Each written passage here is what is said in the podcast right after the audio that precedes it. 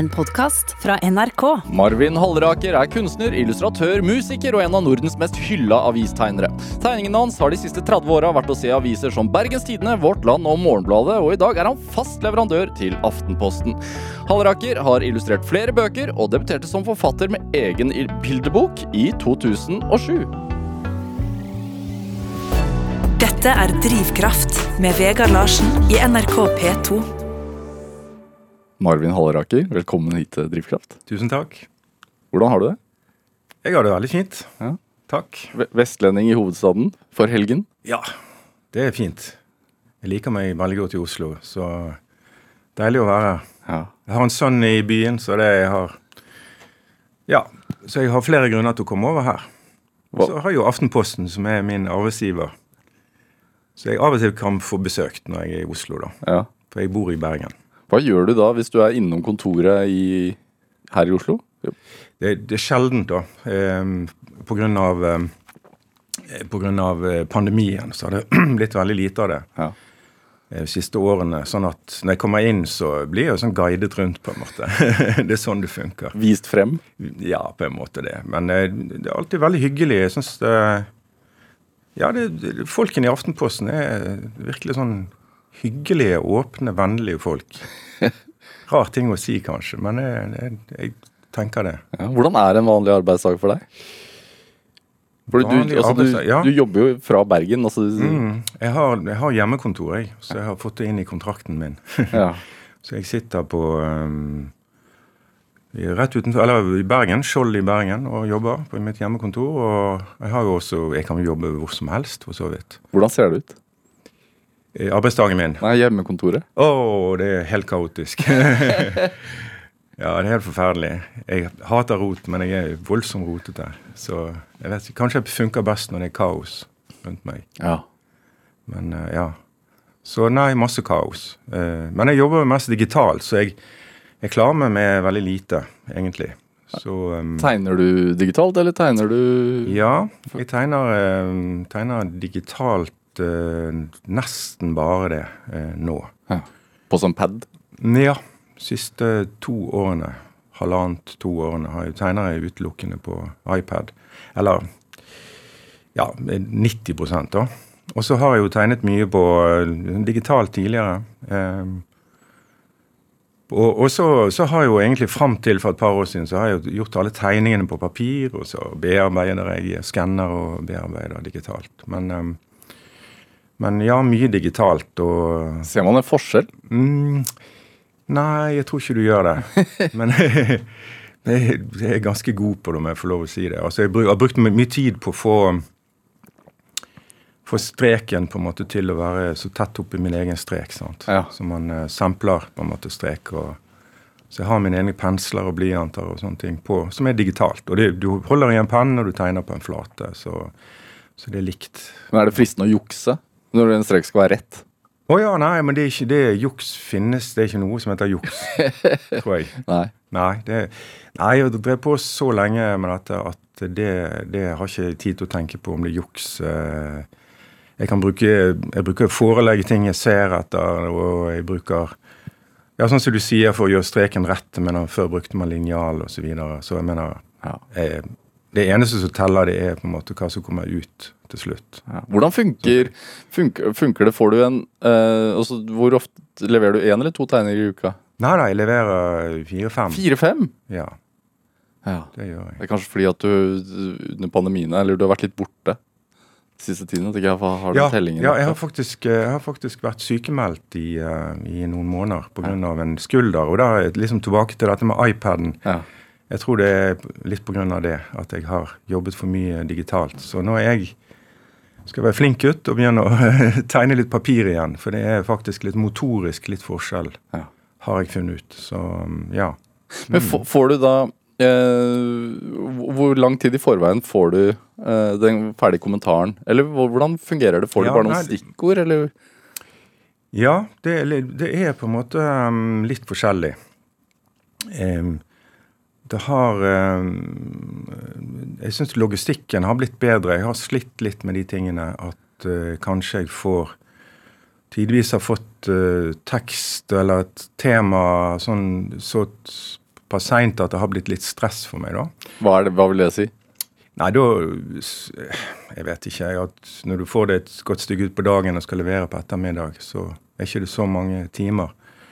Men jeg, jeg, jeg syns det har blitt veldig mye bedre der jeg jobber nå. og Jeg er veldig fornøyd med det. Men det er klart at i avis så Du kan på en måte ikke få en ferdig tekst eh, dagen før Nei. hver eneste gang. Fordi man må liksom hive seg rundt, og det kommer opp, oppstår nye ting sant, som gjør at du må mm,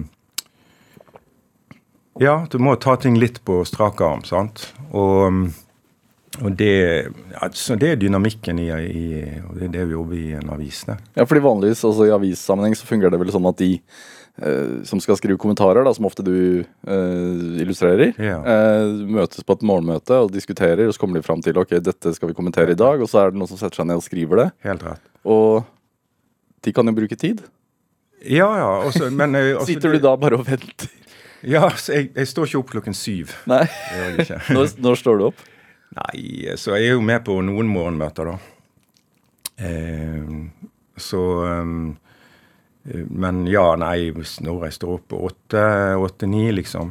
eh, type. Alt ettersom. Men eh, jeg er ikke noe sånn veldig morgenfull. Men jeg jobber jo ofte utover ettermiddag og kveld. Så dagene mine er veldig sånn fylt opp av jobben min, egentlig. Og sånn har det vært i veldig mange år.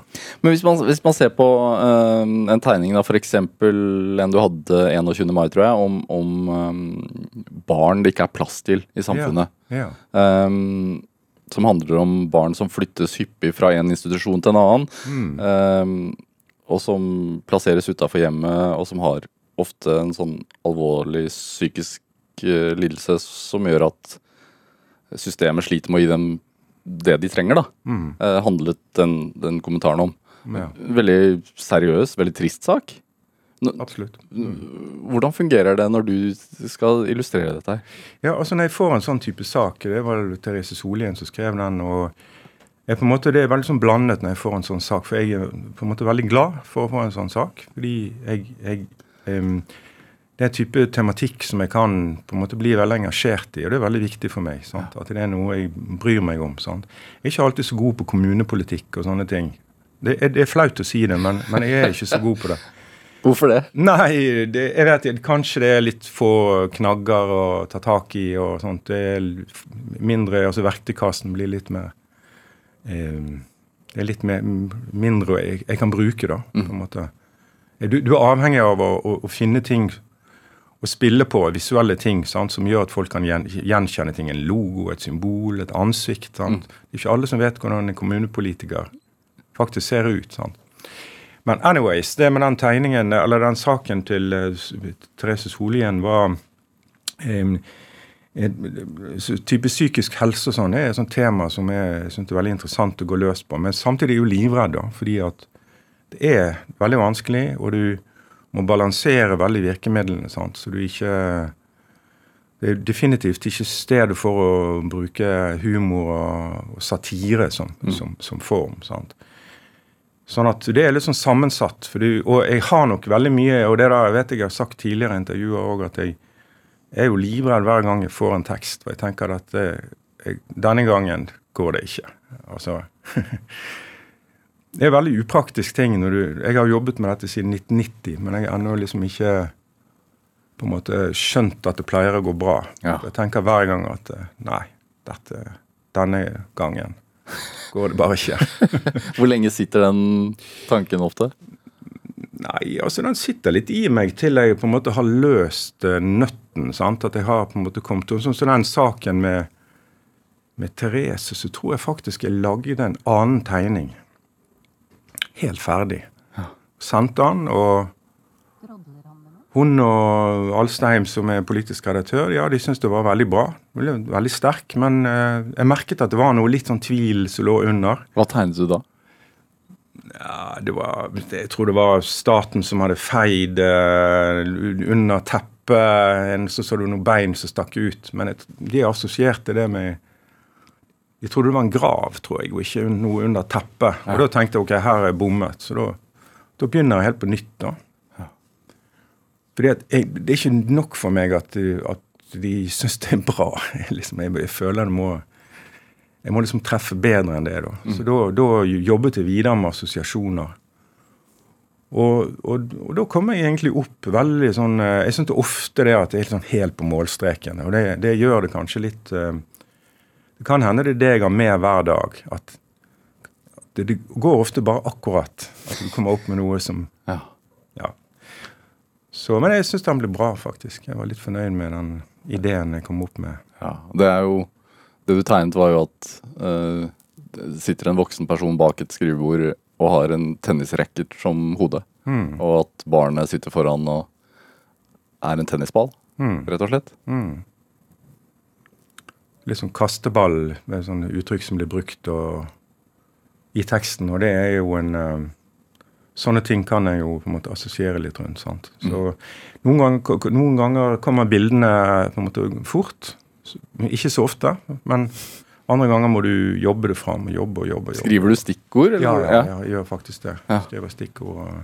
Hvor lang tid går det, da? Du har, du har liksom Å, det så- fire Hvor mange timer har du på deg? Sykt forskjellig, altså. Em, men eh, bruker ofte lengst tid på den tankeprosessen. Eh, og så er det noen ganger når jeg overhodet ikke klarer å komme opp med en idé, så bare begynner jeg å tegne. Og tenker at dette går rett vest, egentlig. Og så kan det Jeg, jeg tror man er inne i en sånn modus, altså. At på en måte underbevisst at hjernen driver på Ja. så kan jeg komme opp med noe som jeg da kan putte inn i dette som jeg har begynt på. Så, ja. så det, det er mange veier. Men sjelden en gang så kan du få en sånn åpenbaring, nesten. sant? Tydelig bilde. og Det er ofte de beste tingene. Men er, altså det at du blir engasjert selv i saken, Mm. er det, hvorfor er det en fordel? Mm, ja, det, det um,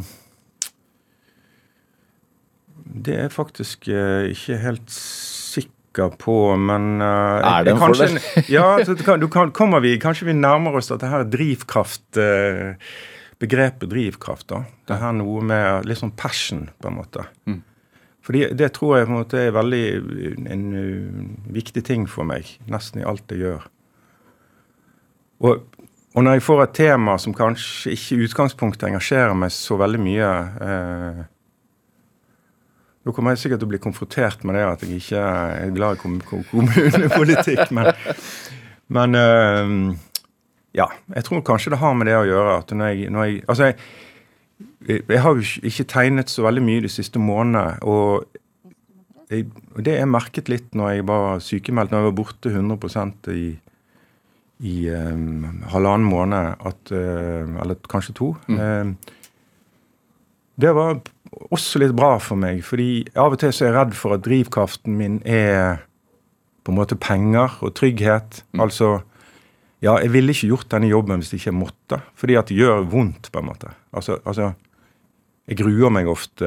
På grunn av presset? Ja, sånne ting. sant?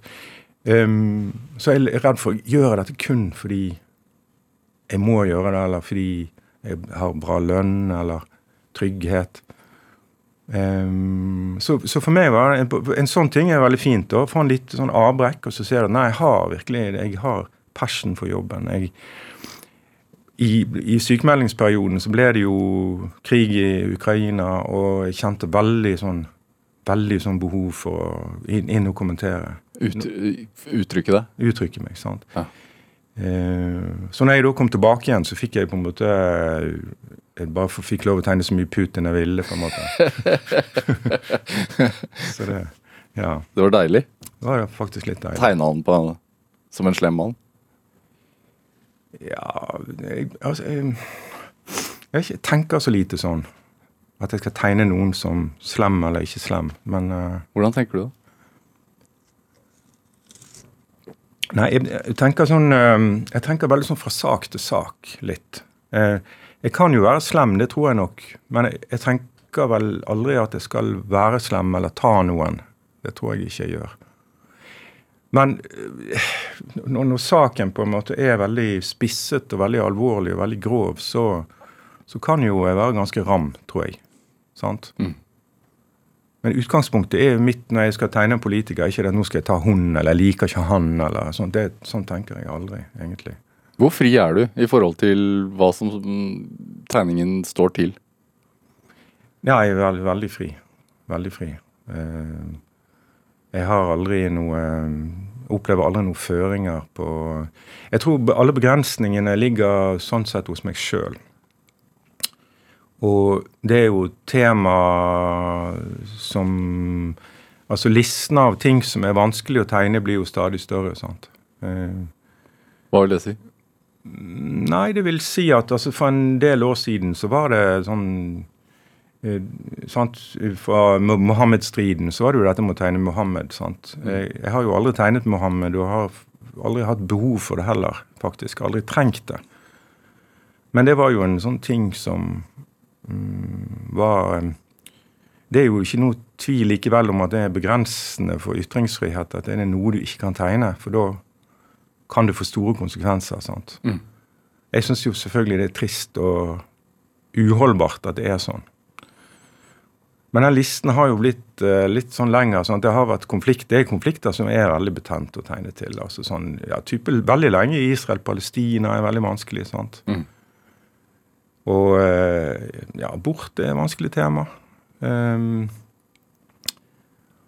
og uh, etter hvert sånn kjønnsidentitet osv. Listen blir lenger og lenger. sant? Uh, du må liksom ha tunga rett i munnen. For du vet at ting kan bli lest på en annen måte enn det du har til hensikt. altså. Ja. altså og det, det er jo en, kanskje en litt ny ting. Um, Redd for å tråkke på feil tær med satiren din?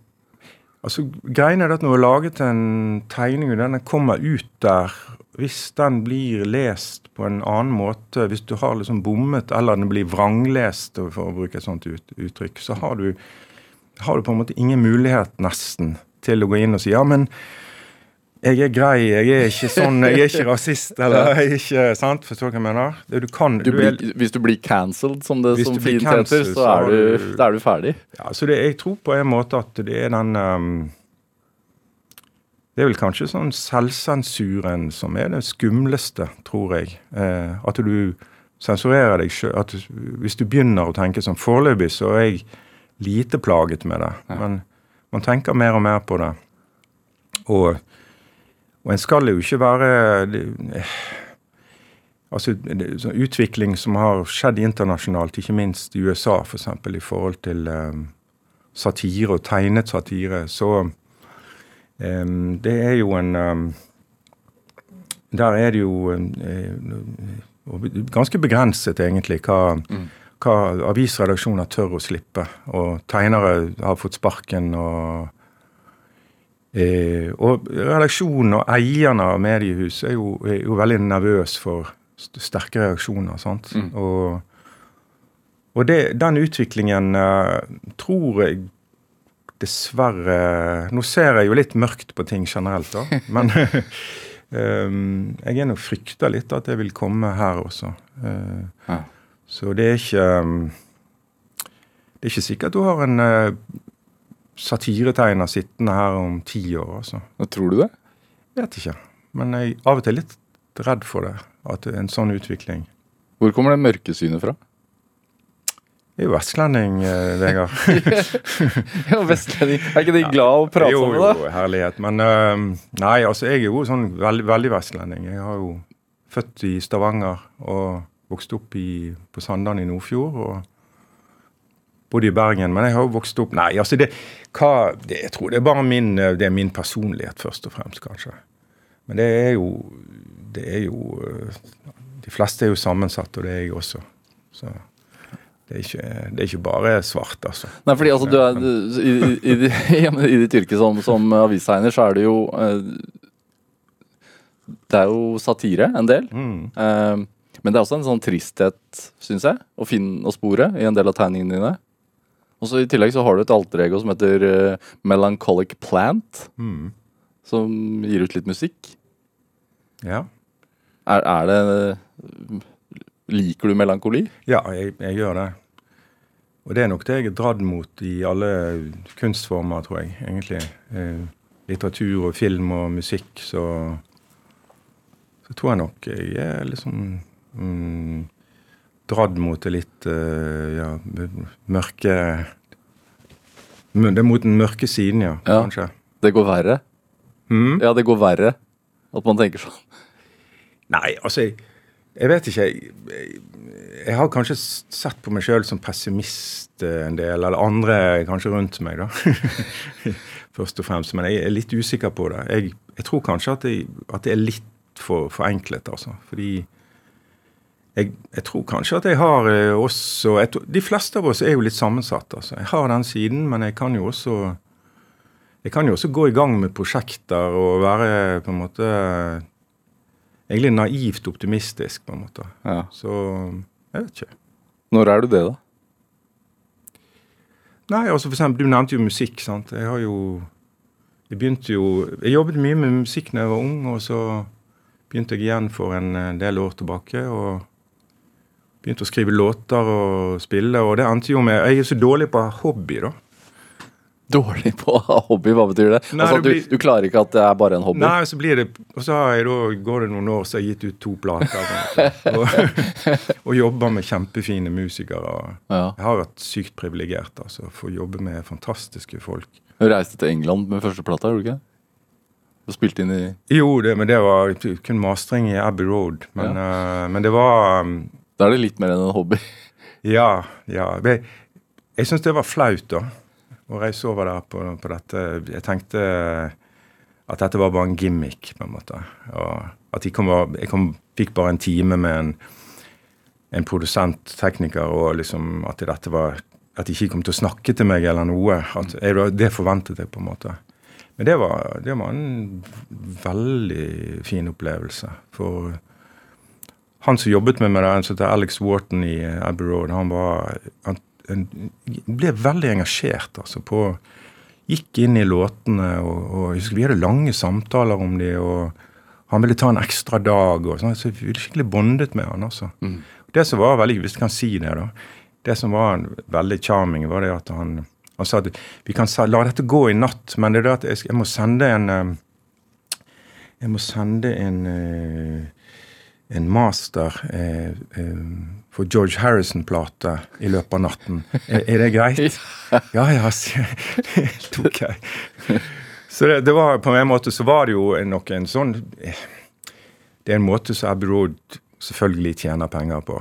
Men det som var jeg sy- syns var rør, rørende, var jo at han, han møtte Jeg ble møtt så veldig sånn seriøst og skikkelig. Noe, noe som var ikke helt forventet. Så ja, det var den historien. Det er jo å Gir du deg selv ros for ditt eget arbeid? Altså jeg tenker eh, Det er ikke så lenge siden, eller mars i fjor var det faktisk, så, så eh, den danske avisen Politikken, Ja. meget eh, respektert avis i, i Danmark og egentlig hele Norden, eh, hele forsiden her ble pryda en av dine tegninger. Ja. De ryddet forsiden for den. Eh, og en av tegningene dine har også prydet forsiden på Aftenposten. eh, men, men eh, politikken inviterte tegninger, tegnere fra hele verden til å sende inn tegninger av, av pandemien, og, og fikk inn 400 tegnere, nei, tegninger fra, fra veldig sånn respekterte tegnere fra Ja, hele verden. Store aviser, faktisk. Og så plukker de ut din tegning til fronten. Mm. Hvordan er det våknet til det? Nei, jeg, jeg syns det er helt fantastisk, egentlig. Eh, Hva var kvalitetene ved den tegningen, da? Jeg tror kanskje den hadde litt uh, Det var en helt OK idé. den var ikke dårlig, men uh, den var bra, altså. Men jeg tror nok den hadde litt sånn plakatkvalitet, tror jeg. Ja, kan du beskrive den? Uh, for det gikk vel på um, pandemien i Afrika. Så jeg tegnet en afrikansk mann i profil med, med en ansiktsmaske, en munnbind, hvitt munnbind, som egentlig Afrika, kontinentet Afrika, som munnbindet. Mm. Um, kanskje litt grunnen til at jeg ikke Jeg sier at han var god, og er jo det at jeg, jeg kan nesten ikke forklare ideen, egentlig. Men og, og ofte så er det OK, sant? Altså, ja, hva, hva, mener du? Hvorfor var Afrika munnbind? Jeg vet ikke. Men altså, og det er bare fint, for det kanskje du Det åpner for mye tolkninger, da, eh, som er kult, da, egentlig. Men det var ikke en sånn supersterk idé. Jeg kan ikke si ja, og så pga. det og det, så der, liksom. Nei, en annen tegning som du, du du vant årets avistegner for for noen år siden, Per Sandberg, Ja. som daværende fiskeriminister. Mm. Som du har tegnet med en fiskekrok i øyet, og fiskekroken er eh, det iranske har det iranske flagget på seg. Mm. Var det en bedre idé? Ja. Mm. Bedre idé. Hva tenker du da? Altså, han var, han liksom, det er sånne, Man bruker sånn Man bruker assosiasjoner sant? på kroken. Han er, han er liksom Han har eh, Nå skal ikke jeg eh, Jeg kjenner ikke Sandberg og sånt, så jeg skal Men altså at du sier gjerne noen er på, på, kroken, er det man sier når man har funnet en eh, partner eller kjæreste eller noe sånt. Ja. eller, sant? fått noe på kroken? Fått noe på kroken, selvfølgelig. Ja. Um, så det er egentlig det. Og så er det jo på en måte det at samtidig så er det ikke så Det er jo ikke bare deilig med en fiskekrok i øyet. liksom. det er, det er ikke bare Så det, noe, det, det, det sier liksom noe om eh, på en måte Det var jo en tid med turbulens, sant. Ja. Så ja. Og så også denne dobbeltheten med at liksom linken til plutselig så henger han litt fast i Iran på en eller annen måte. Ja. Altså, sant? For det er jo et fiskesnøre som blir liksom dradd liksom, du det øye, Øyeviken blir liksom dradd liksom at han er Ja. Anyways, er det vanskelig å forklare en tegning på, på radio. Men hva er det overordnede målet da? Med, altså, hva håper du at tilskueren eller leseren av den tegningen skal tenke? Jeg tror jeg kan si noe sånn generelt om, om kanskje tegningene mine. At det jeg håper litt, er at uh, jeg, har, jeg tror nok jeg har et ønske om å skape en reaksjon. Hvis jeg ikke får det til, så føler jeg jeg har bommet. Altså Reaksjonen kan være at man eh, Det kan selvfølgelig være humor, eller at man ler. Og, og, og latter kan være så mangt. Sant? Det kan være en fri eh, latter, det kan være en latter som setter seg litt fast i halsen. Mm. Eh, Men det kan også være at det kan være noe positivt. sant? Tommel opp, og man blir glad, og det kan være noe Det kan være noe mørkt. At man, man kan bli eh, Altså Kanskje det å se ting Du får en aha- aha-opplevelse. Du snur ting på hodet. Ofte gjør jeg det nesten på en måte som billedlig jeg snur ting på hodet. Prøver å få en til å se saken fra en litt annen vinkel. sant? Så skaper en reaksjon. Man kan godt bli sint og, og provosert. Selv om sånt er litt vanskeligere i dag, fordi ting blir mer ehm, Alt er på liv og død nå, føler jeg litt. At det blir enormt som gravalvor. Eh, dette med å bli sparket litt på leggen, eh, det er ikke sikkert det egentlig er så veldig farlig, fordi at det kan skape samtaler. sant? Mm. Og jeg føler egentlig ikke at jeg jeg slår ikke noe fast, og jeg antyder noe. Jeg, eh, så jeg ønsker den reaksjonen, altså. Eh, det verste jeg vet, om jeg lager musikk eller om jeg lager tegning eller hva jeg gjør, det er jo at det blir sånn Ja, grei den, liksom. Og så bla videre. Så, så jeg, jeg har litt medlidenhet med, med de jeg jobber med, og min sjef av og til. For når han, han sier 'den kan brukes', så får jeg helt panikk. Altså Jeg sender tegning, så sier han 'den er OK', eller 'den kan brukes'. Så får jeg litt panikk. For jeg tenker, Da har jeg mislykkes helt. Mens det er jo selvfølgelig ikke sånn eh, Det er jo ikke sånn ment, og det kan jo være bare i forbifarten at at han kanskje ikke hadde var det svarte da, liksom. Men jeg, jeg vil på en måte at det skal, det skal liksom være eh, noe som gjør noe. sant? Jeg vet at du har jo annet lagt ut et av, dis, altså et av dine to album på Spotify, og så har du senere fjernet nesten all musikken på det ene, og så er du selvkritisk. Ja, jeg er litt Hvor, selvkritisk. hvor, hvor, alltid vært det? Ja, det, det har jeg. Jeg tror det er på en måte både en uh, forbannelse og en velsignelse, på en måte. Er ikke det det? Altså, jeg, det driver det videre, da, på et vis. sant? Men jeg tror på en måte at det eh, Jeg tror ikke det handler om å være destruktiv. Jeg håper ikke det. Jeg tror ikke jeg er destruktiv. Men jeg har eh, Jeg har hele tiden et, en sånn drive på å bli god, på en måte bli bedre. Og, og jeg er på en måte sjelden sånn fornøyd med det som jeg er der og da. Eh, og det kan være negativt, selvfølgelig. At, og, og, ofte kan jeg gå tilbake på ting jeg har gjort tidligere og bli overrasket. tenke, shit, da, oi, liksom. Da var du flink. Ja, dette var jo fint. Så det er ikke det at jeg, jeg forstår jo at jeg kan gjøre bra ting. Mm. Men jeg tror, um, jeg tror på en måte den um, Det å være selvkritisk uh, tror jeg kan brukes til noe. Konstruktivt, ja. Jeg tror det er helt nødvendig. For meg har det vært nødvendig, for jeg jeg hadde, I min oppvekst hadde jeg veldig lite um, referanser. Mm. Eh, billedmessig, kunstsyn, musikk, sånne ting. I heimen hadde, hadde ikke vi det, altså, da jeg vokste opp. Så for meg har det, selv om jeg nok var ganske tidlig eh, Jeg tror nok jeg hadde en slags begavelse på tegning. Eh, jeg begynte veldig tidlig å tegne og, og forsto veldig intuitivt dette med tegning tidlig. Og tegnet ustoppelig. sant? Fra jeg var guttunge. Som substitutt på manglende bildeverden ellers, kanskje? Jeg tror faktisk det begynte som en form for egenterapi når jeg var sånn syv-åtte år. Rett og slett. Jeg brukte det som Jeg, jeg, jeg vet ikke om jeg tegnet godt den gang da jeg begynte med det, men jeg låste meg inn og tegnet. og Det var ren terapi. For hva? Eh, jeg vet ikke helt hva, hva det var for noe, men jeg, jeg, var mm, lukket meg inn i meg sjøl og var, ble introvert. og, og, og sånt da jeg var sånn syv-åtte år. Og mine foreldre som fikk meg til psykiater på Sandane. Jeg gikk til psykiater i to år da jeg var syv-åtte år. Det er veldig spesielt. Noe jeg beundrer foreldrene mine for, for de var Ja, jeg vet ikke. Jeg, de, jeg vet ikke om det var Det kunne kanskje oppfattes som litt sånn stigmatiserende å gå til psykiater på den tiden. Jeg vet ikke. Sånn som på Sandane. Jeg, jeg, jeg, vet ikke nok om det, om det var, men, om det var noe terskel. Men, men, det gjorde de, og jeg husker ingenting. Jeg husker ingenting for en eneste time.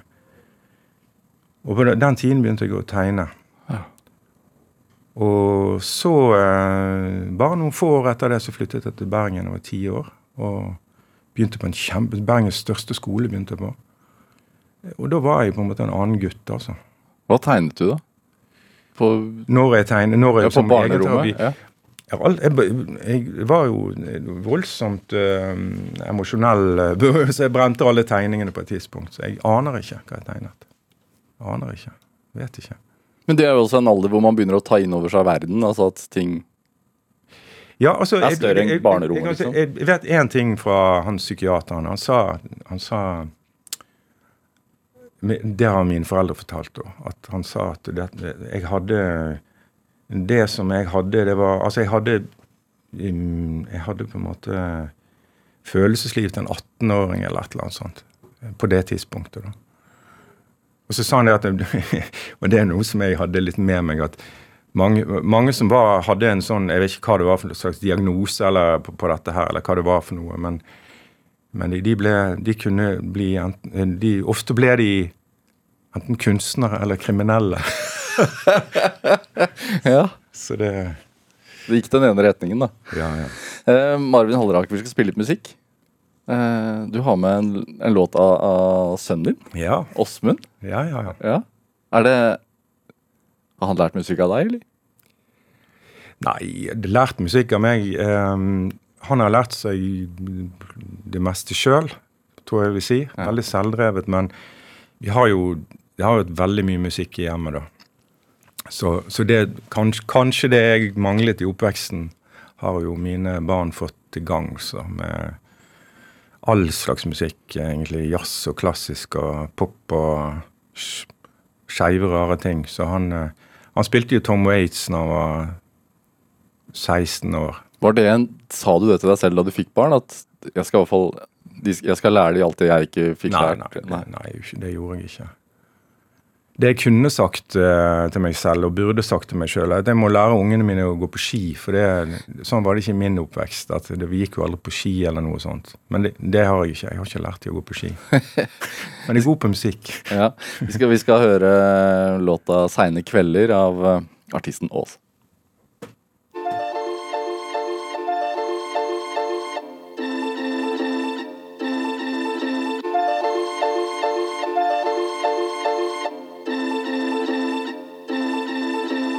Jeg husker når vi sendte Meldinger gjennomkjente. Vi kunne ikke vente da. Jeg husker seine kvelder. Krangling om bagateller. Så fjernt å tenke på det nå. Nå. Yeah, yeah. Hollister-genseren på. Den var turkis, men hun bare please, den der er blå. Hun gikk i bukser så fremme ved trompen, men de var bare for små. Jeg likte hvordan hun snakket, hun var direkte og lett å forstå.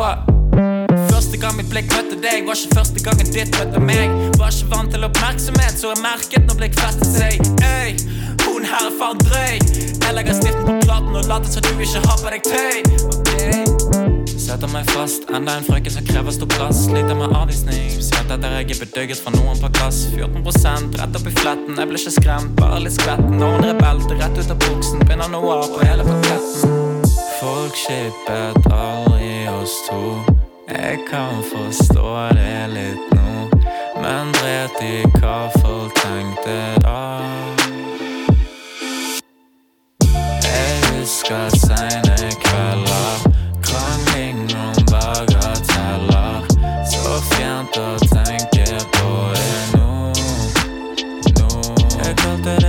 det oss Cosa Jeg sa gi oss litt sjeleroka enn det koster. Hun sa baby fuck de andre, bare tenk på oss da.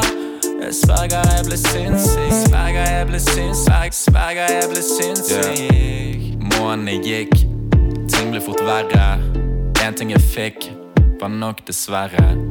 Lærepenger lært, ting som en gang var spennende eller interessant, det ble fort vulgært. Begynte med astrologi, du om du tror stjernene veier hvordan du skal bli. Bitte lite sjalusi, blokkerer en jente på Insta fordi hun er tørr og selger Gemini. Eller hva faen man sier. Ganske rødt flagg at hun gir faen i hva faren hun sier. Hun har litt rare verdier.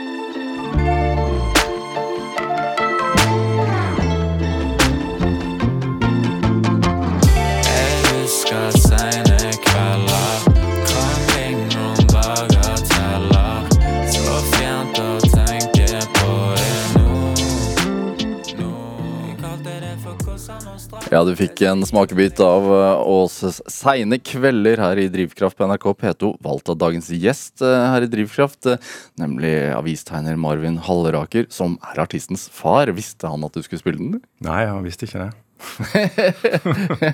Blir det pluss i boka nå? Ja, det håper jeg jo. Ja, det er bra. Er det du er, du er kritisk mot deg selv. Hvordan eh, er du overfor dine egne barn? Nei, altså, det, det er jo noe helt annet, selvfølgelig. helt ukritisk. Nei da, det er jo ikke det. Men eh, nei, jeg tror ikke jeg er noe spesielt kritisk. Men du, du heier jo på dine barn. sant? Du gjør jo det. Men jeg, jeg valgte jo den låten hvis det er en fet låt. da. Ja, ja det er jeg enig i. Hvordan var din egen far? Var han kritisk? Nei. Nei, han var ikke det. Eh, min far var jo Min far var jo I min, hele mitt liv, så var han jo, når han levde, så var han jo predikant. Han var egentlig maskinmekaniker. I bånn, da. Men så bodde de, mine foreldre i USA, og de fikk barn der. og hadde et veldig godt liv der. Han jobbet som mekaniker, og min mor hadde jobb. Og så fikk han en sånn kall som, som Jeg vet ikke om det er et begrep som brukes lenger, men uh, han fikk liksom kall til å bli emissær i Norge. Så reiste de hjem til Norge. Og da, da kom de til Rogaland. Så ble jeg født og, et år etterpå. Så jeg har fått et amerikansk navn, da.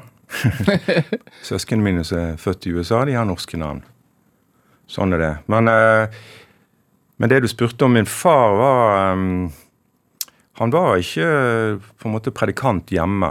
Altså Jeg har, jeg har eh, Tidligere intervju så har jeg kanskje nevnt sånn helvetesangst og den type problematikk. og... At du hadde det? ja? At jeg Ja. hadde det, og at det er en del sånn, litt sånn trøblete sider for meg. Det å være en sånn et hypersensitivt barn og vokse opp i, i den settingen har sine sider. Eh, jeg sier ikke at alt er negativt, men, men en del var nok det.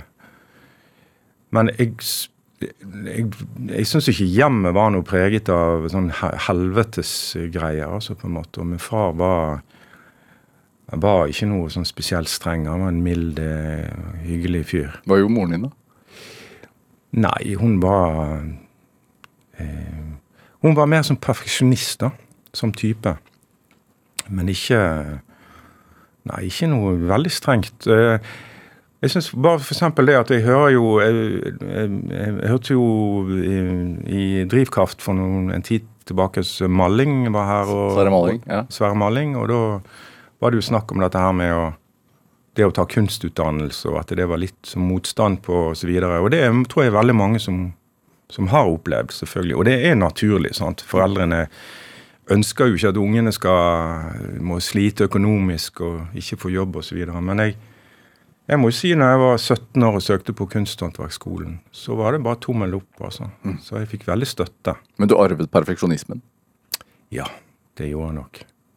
Det, det var nok fra, fra min mor. Min far var nok ikke noen perfeksjonist. Når ble du kvitt helves, eh, altså helvetesangsten? Gradvis prosess, fordi um, En ting er jo på en måte at du, du, du gjør noen uh, um, Altså, noen ting er valg man tar, noen ting er, er gradvise prosesser, på en måte. Og akkurat det der med når du har vokst opp med Når du har det sånn i blodet, da, på en måte. Men så hva er man redd for? da? Altså, er man redd for å dø og ende Ja. opp i skjærsilden, liksom? Altså, Jeg er jo ikke katolikk, da, så jeg er ikke så redd for skjærsilden. Det er liksom rett til helvete, eventuelt.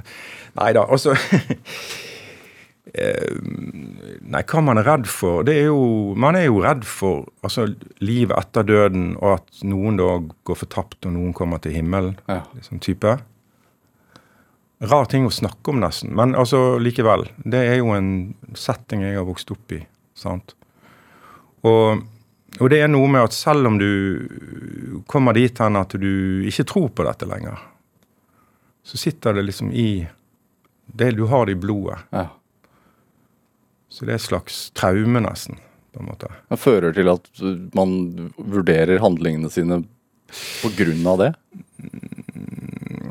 Ja, Det er nesten sånn at jeg ikke husker det. Jeg tror kanskje ikke det. Men at du har likevel en sånn underliggende angst. da. Tenk om, liksom. Tenk om. Det er sånn likevel. Men jeg er nok forbi det nå. Det er jeg nok. Men uh, det har gått lang tid. Det har det. Det med kall. Ja. Var, var det et kall som trakk deg ut i, opp i fjellet under pandemien? Uh, Nei, nei, nei. Det var langt ifra. Det var Vi har jo en eh, Vi har en eh, hytte i Herand i, i Hardanger som ligger Som ligger ganske sånn i På skog og berg, på en måte. Det er fjorden. Mm. Mellom skog og fjell. Fantastisk eh, sted. Og og der er det sånn at eh, det er noe folk der på sommeren som har andre hytter der og sånn. Og en, eh, en god venn av meg som har en, en gård ikke så langt unna. Men grunnen til at jeg reiste inn der da, var jo pandemien, og det var på det verste.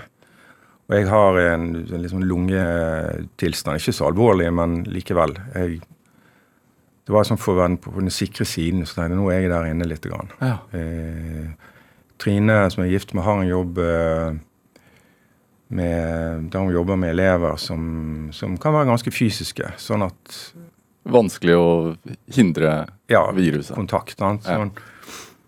Så det var nok en, ja, kanskje det var nok en, på en måte en form for angst, da. At jeg gjorde at jeg isolerte meg. Eh, men jeg dro nå inn der, og så tenkte jeg at kanskje, det, kanskje jeg skal prøve å være her litt. Og så ble det til at det ble, det ble nesten et eksperiment. da, Være der et år. Um, og bare, jeg, jeg trives godt alene òg. Jeg klarer meg veldig fint. Og, og det var jo det jeg også ønsket å finne ut av. på en måte, Hvordan, hvordan fungerer det å bo som bare med seg sjøl på et veldig stille sted, og til tider veldig mørkt. Ja. Så, men så har jeg jo utfordret det der enda mer, da, fordi at uh, jeg har jo uh, Jeg lagde meg et sånt uh, prosjekt der inne, fordi Kan ikke bare ha hobby, si. Nei. Det, jeg tok opp noe som jeg også har jobbet veldig mye med. Jeg hadde jo, jo fotografert i hadde en del med fotografering i utdannelsen min, og de første ti årene etterpå så jobbet jeg veldig mye foto. Masse mørkeromsarbeid og sånn. Ja, med kunstutdannelsen din. Ja. Ja. Og så har det på en måte da forsvunnet litt ut, men jeg har alltid hatt en passion for det. Eh, opplever det å fotografere har noe av samme For meg har det noe av det samme Det gir meg noe av det samme følelsene som når jeg jobber med musikk og improvisasjon og sånne ting. Jeg kan ikke helt forklare det, men det er noe med at du kommer inn i en tilstand eh, som Ja. Så for meg var det Da begynte jeg litt å fotografere. Men ikke så veldig mye folk å ta bilder av der inne. Så ok, hva gjør jeg nå? Jeg er ingen naturfotograf. Så, så jeg tenkte der inne er det helt, helt unike furutrær. Tenkte jeg vil portrettere furu. For jeg har veldig sånn sterkt forhold til furu, også fra Sandane der jeg vokste opp, i en furuskog. Så jeg tenkte jeg skal prøve det. Men det er så sykt fin natur der inne. Og det, det ble for fint, da. Så jeg ville ta bilder av bare enkelttrær. Hva gjør jeg da? Så da begynte jeg å begynte jeg å gå ut i skogen med, med lamper. da. Jeg kjøpte altså kjøpte meg arbeidslamper på byggeren. Gikk med stativ og kamera ut, langt ut i skogen på natten med to lamper, og så går jeg og leiter. da. Går jeg og lyser. Og så finner jeg på en måte Der er det Der er det tre som liksom taler til meg. sant? Der er det en form som er interessant. eh, Det er to trær som kanskje spiller ut mot hverandre. Så sier jeg her er det noe. Her skjer det noe. Så begynner jeg, ja. Er det ikke Mister det interesse, syns du, hvis det er for fint, som du, som du sier? Um, jeg, jeg er jo ikke noe redd for at ting skal være vakkert, men, men jeg ville på en måte fokuset skulle være på en måte på det enkelttreet. Altså sånn, Hvis jeg kunne invitert tre inn i studio, på en måte. Ja. Vær så god, sett deg ned der, så skal jeg stille litt lys. sant? Men det går jo ikke. Så da måtte jeg gjøre det på den måten. Så, um, så dette har jeg jo gjort nå i to år.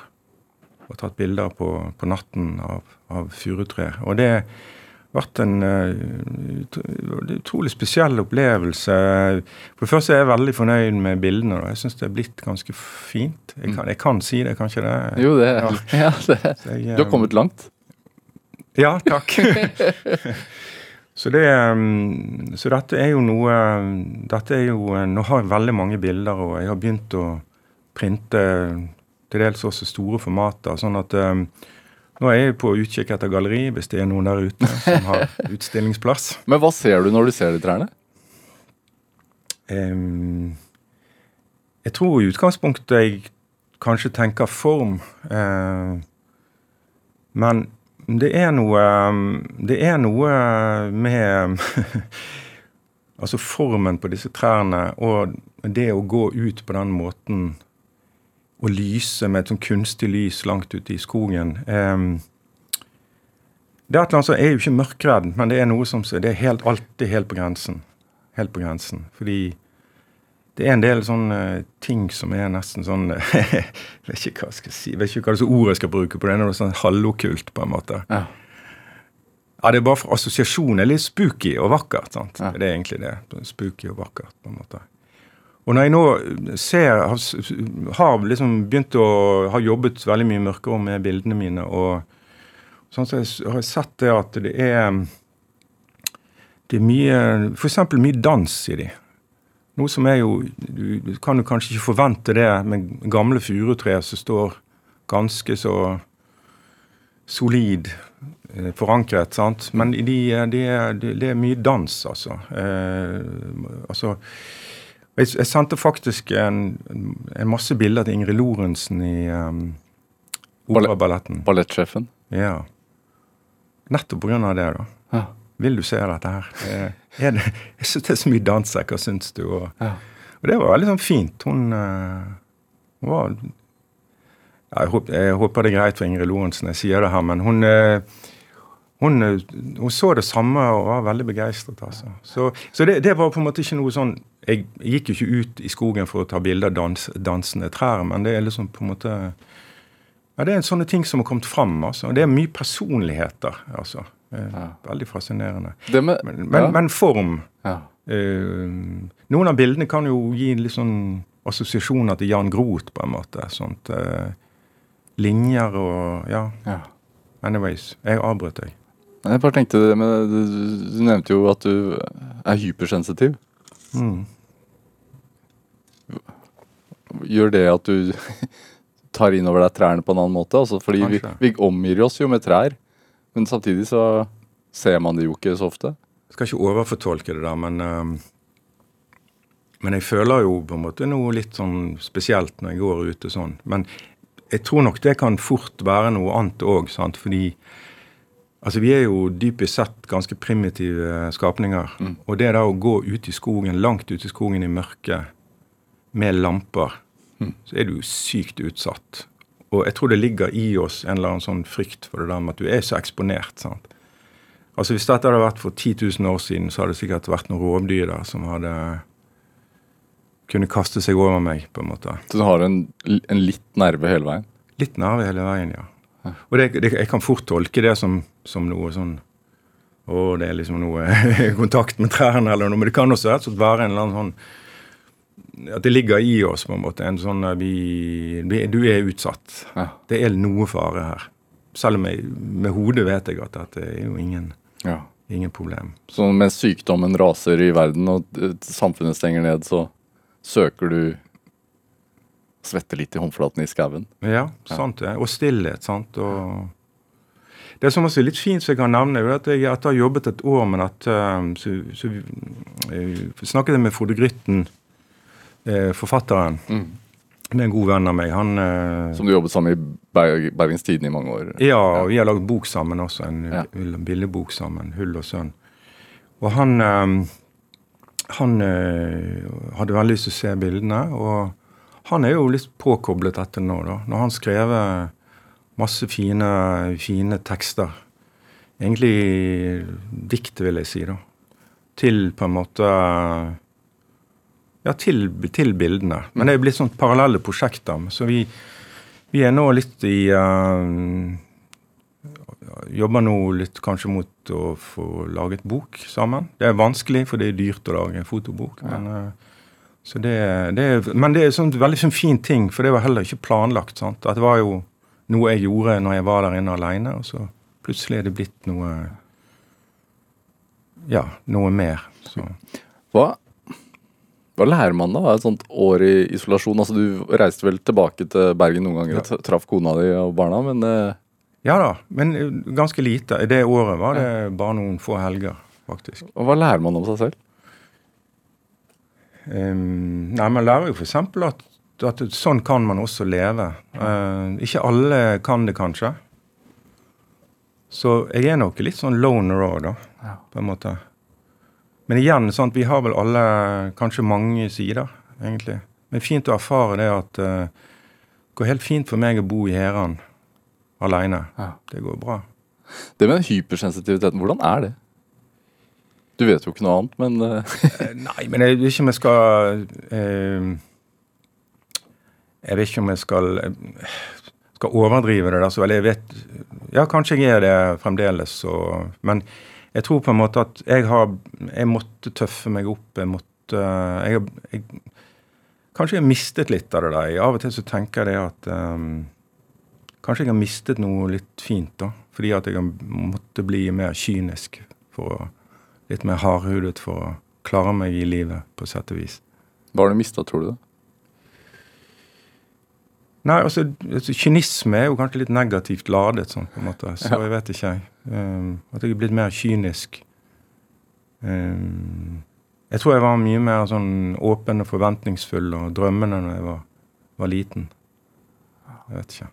Du er hard mot deg selv da, når du velger å gå rundt og fotografere trær fordi at du syns det er noe sjelelig med det, så vil jeg jo si at du Det er ikke så kynisk. Det er jo, da er du veldig åpen. Nei da, nei, men jeg, jeg, jeg, jeg, tror ikke jeg er sånn kynisk all over. Men, uh, men i forhold til det der å være, gå rundt og være hypersensitiv og føle så veldig mye på, på det, så Jeg vet ikke, jeg. Jeg tror man, hvis man kan, så må man av og til kanskje tøffe seg litt opp og for å komme seg gjennom livet. Jeg vet ikke. Ja. Uh, Marvin Halleraker, hva, du holder på med mange forskjellige ting, men hva tenker du er liksom den store drivkraften? Jeg var litt redd for du skulle spørre om det, Vegard. Du, du, du visste det kom? Nei, altså um, Jeg tror på en måte at jeg um, Jeg tror kanskje jeg ønsker å berøre på en eller annen måte. Lage en, skape noe som Som kanskje berører meg sjøl, men også berører andre. Så jeg, jeg, tror, jeg tror kanskje noe litt sånn passion er litt viktig for meg, egentlig. Jeg tror noe av det jeg er veldig redd for, også i min jobb, så er veldig redd for når jeg da skal jobbe med press hver dag hele uken, så er jeg redd for å gli inn i et mønster og bli kjedelig og likegyldig. Derfor må jeg hele tiden utfordre meg sjøl. det, det tror jeg er min største angst. Så kanskje det er det jeg Kanskje drivkraften min er å å eh, eh, ja, berøre på en eller annen måte. Er det, blir det, var det litt svulstig, eller? Syns jeg ikke i det hele tatt. Nei. Nei. Du, du gjør jo det også til gangs. Jo takk, jeg håper jo, håper jo jeg gjør det Ja. av og til. Marin Halleraker, du, tusen takk for at du kom hit til Drivkraft. Lykke til med, med, med trærne. Jo, takk. Ja. Du må følge med. Ja, Kanskje vi får se det i et galleri en gang. Ja, håper det.